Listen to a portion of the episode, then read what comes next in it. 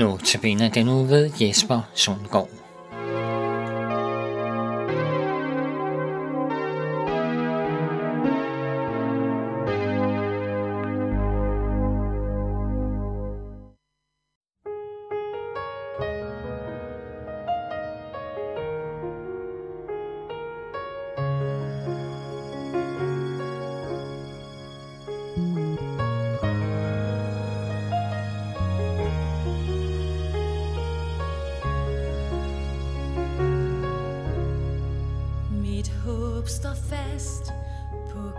begrund Trods synd og død.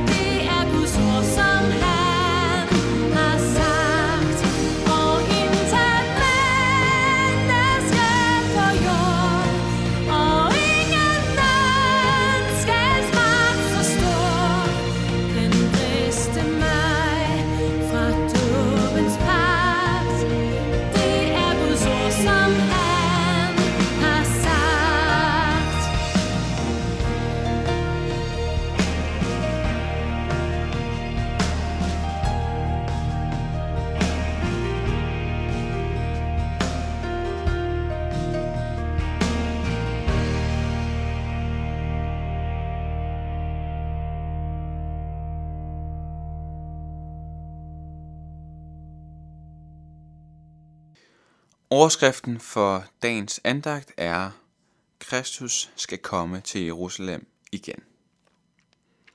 Hvad vil Gud gøre for Israel i fremtiden? Det er spørgsmålet for denne uges andagter. De første tre dage har vi set på tre meget positive ting.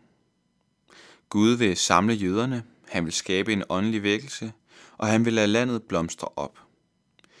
I går så vi på den ret alvorlige sandhed, at Gud vil lade en stor hær drage op og angribe Jerusalem. I dag skal vi så koncentrere os om det, man forbinder mest med de sidste tider, nemlig Jesu genkomst. I Zakarias' bog, kapitel 14, vers 4, står der følgende.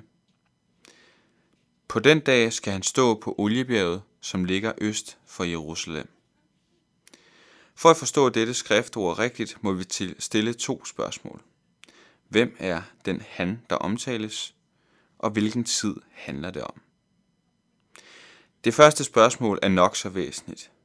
Hvem er det, der skal stå på oliebjerget? Der står ikke direkte i teksten, at det er Jesus. Vi må derfor om til det nye testamente for at finde ud af, hvem der er tale om. Her står der faktisk ikke direkte, at Jesus kommer igen på oliebjerget. Men Apostlenes Gerninger kapitel 1, vers 11 mere end antyder det. I denne passage siger to engle til disciplene kort efter Jesu himmelfart. Hvorfor står I og ser op mod himlen, Galilea? Den Jesus, som er blevet taget fra jer op til himlen, skal komme igen på samme måde, som I har set ham far op til himlen. Jesus skal altså komme igen på samme måde, som han får til himmels. Det er derfor nærliggende at tænke, at det skal ske på oliebjerget. Så hvem er den han, der omtales i Zakarias kapitel 14, vers 4? Det må være Jesus. Men hvilken tid handler det om? Nogen kan vel netop være fristet til at sige, at når Zakarias omtaler Jesus stå på oliebjerget, så profeterer han om den dag, da Jesus steg til himmels. Er det det, Zakarias prøver at få frem? Det tror jeg ikke. Grunden til det er, at konteksten, sammenhængen i Zakarias kapitel 14, netop handler om det sidste store angreb mod Jerusalem, som vi så det i går.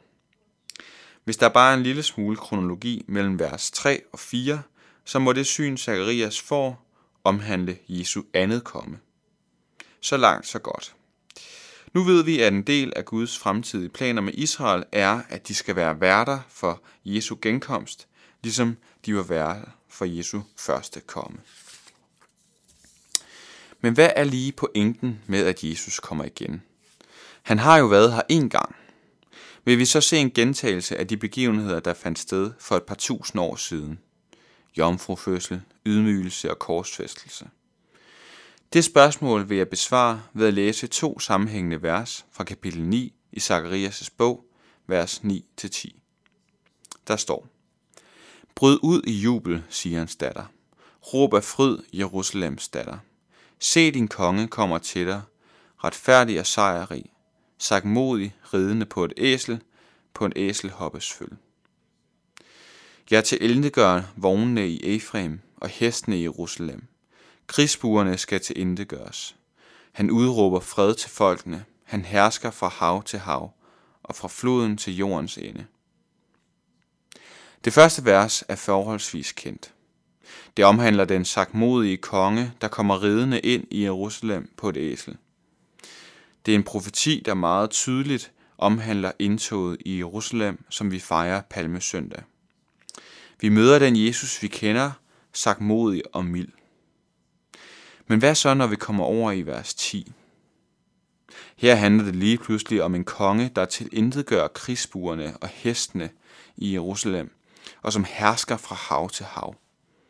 Ja, han udråber lige frem fred til folkene. Umiddelbart kan vi tænke, at der må være tale om to vidt forskellige personer, men jeg tror, at begge profetier, begge vers, handler om Jesus. Vers 9, altså det med kongen på et æsel, handler om Jesu første komme, mens vers 10 handler om Jesu andet komme. Hvor Jesus ved sit første komme lod sig undertrykke og mishandle af unge, onde mennesker, vil han ved sit andet komme vise sin magt og styrke og udrydde sine modstandere. Han vil udråbe fred til mennesker, der er blevet undertrykt og forfulgt. Han vil komme som genopretteren. At der er så stor forskel på de to åbenbaringer af Jesus, skyldes ikke, at han har skiftet karakter. Han har sådan set hele tiden været kongernes konge, den mægtigste af alle. Men han valgte at give afkald på det ved sit første komme. Han valgte at lade sig piske og korsfeste for at redde alle os, der var fortabt i vores syndighed. Men når Jesus kommer igen, så må alle knæ bøje sig. Det gælder også dig. Har du gjort Jesus til konge i dit liv? Har du lavet ham have førstepladsen i dit liv? Han vil være din herre, hvis du er villig til at give afkald, villig til at give slip på alt dit eget. Det kalder man overgivelse. Det kan være ydmygende, og du kan føle, at du mister dit liv. Men i virkeligheden er det kun sådan, at du vinder dit liv. thank